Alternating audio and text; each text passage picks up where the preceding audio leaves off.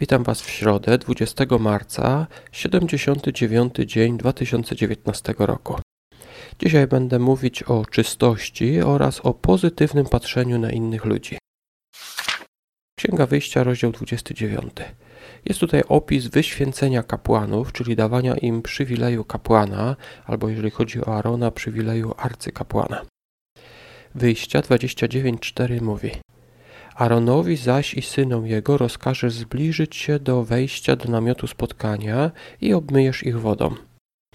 Biblia kładzie ogromny nacisk na czystość. Wprawdzie czystość duchowa czy moralna jest oczywiście ważniejsza niż czystość fizyczna, ale zobaczcie, ogromno, ogromnie ważna była także czystość fizyczna. Oczywiście nie chcielibyśmy tutaj popaść w przesadę, bo faryzeusze, kiedy na przykład szli na rynek i wracali do domu, to musieli umyć ręce aż po łokcie. Oni wpadli w przesadę i wręcz mówili, że ktoś, kto nie robi tego, nie może się podobać Bogu. Bóg oczywiście dba o czystość, szczególnie tutaj kapłana czy arcykapłana, ale z drugiej strony można tutaj wpaść w przesadę. Malachiasza, czwarty rozdział. Rozdział czwarty Księgi Malachiasza ma tylko sześć wersetów i tutaj taka uwaga, y, w niektórych Bibliach nie ma Malachiasza czwartego rozdziału, ale to nie znaczy, że brakuje go, po prostu te sześć wersetów jest na końcu trzeciego rozdziału. W tym rozdziale ponownie mamy proroctwo zapowiadające Jana Chrzciciela. I właśnie w Malachiasza, w trzecim rozdziale, w wersecie 23, albo w innych Bibliach w czwartym rozdziale, a wersecie piątym, czytamy – Oto ja poślę wam proroka Eliasza przed nadejściem Dnia Pańskiego, Dnia Wielkiego i Strasznego. W Ewangeliach wyraźnie potwierdzono, że tym Eliaszem był właśnie Jan Chrzciciel. Psalm 67. Boga poznają wszystkie narody. Psalm 67, werset 3, w innych Bibliach drugi. Aby na ziemi znano Jego drogę, Jego zbawienie pośród wszystkich ludów. Tutaj prawie co drugi werset mówi o tym, że wszystkie ludy na całej ziemi poznają Boga. Tak więc zobaczcie, nawet w czasach, kiedy Bóg zajmował się głównie Izraelem, miał zamiar swoje zbawienie udostępnić wszystkim. Czytaliśmy w tym wersecie, aby na ziemi znano Jego drogę, Jego zbawienie pośród wszystkich ludów. Tak więc zbawienie nawet w tamtych czasach nie było zagwarantowane tylko dla Żydów, ale wtedy także Bóg myślał o wszystkich ludziach, żeby udostępnić im zbawienie i oczywiście ten temat rozszerza Nowy Testament. Księga Przysłów, 8 rozdział, wersety 31 do 33. Mamy tutaj stosunek tej mądrości do ludzi. Księga Przysłów, 8 rozdział, werset 31 mówi I grając na okręgu ziemi, znajdując radość przy synach ludzkich.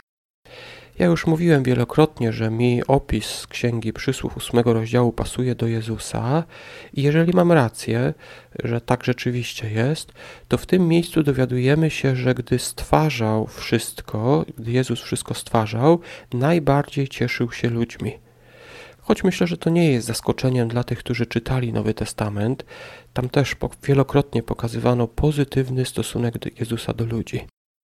E, ten pozytywny stosunek Jezusa do ludzi jest w przeciwieństwie do zgorzchnienia. Gdy na przykład jedni ludzie zachowują się źle wobec kogoś, ten ktoś może zgorzchnieć. To znaczy może zacząć myśleć, że wszyscy ludzie są tacy źli, że ci, którzy to zrobili, że nie ma dla nich ratunku. Tak więc po jednej stronie mamy to pozytywne nastawienie, a po drugiej stronie jest zgorzchnienie. I myślę, że to jest ważne, żebyśmy my nie byli tacy zgorzchniali. Czasami moglibyśmy stracić cierpliwość, stracić wiarę, że ludzie się zmienią.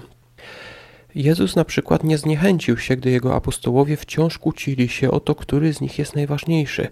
Mógłby wtedy zdenerwować się, stracić cierpliwość, powiedzieć: Daję już spokój, wybiorę kolejnych dwóch, dwunastu apostołów. On jednak tak nie zrobił.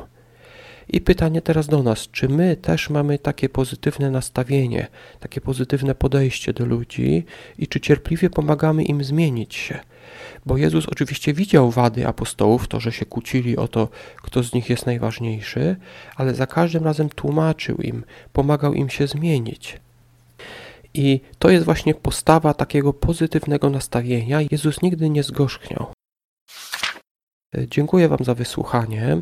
Gdybyśmy podsumowali, myślę, że zgodzicie się z tym, że najważniejszą myślą dzisiejszej audycji jest właśnie to znajdowanie radości przy synach ludzkich. Takie pozytywne spojrzenie na innych pozwoli nam nigdy nie zgorzchnieć, czyli mieć zawsze wiarę, że ci ludzie mogą się zmienić na lepsze i że zwyciężą swoje wady kiedyś. To znaczy, my możemy widzieć czyjeś wady, ale wierzyć, że ci ludzie są w stanie się zmienić. I oczywiście to dotyczy także nas. My możemy mieć wiarę w to, że także nam uda się może zmienić na lepsze i że my może kiedyś zwyciężymy nasze własne wady. Dziękuję za wysłuchanie. Zapraszam do jutrzejszej audycji. Do jutra.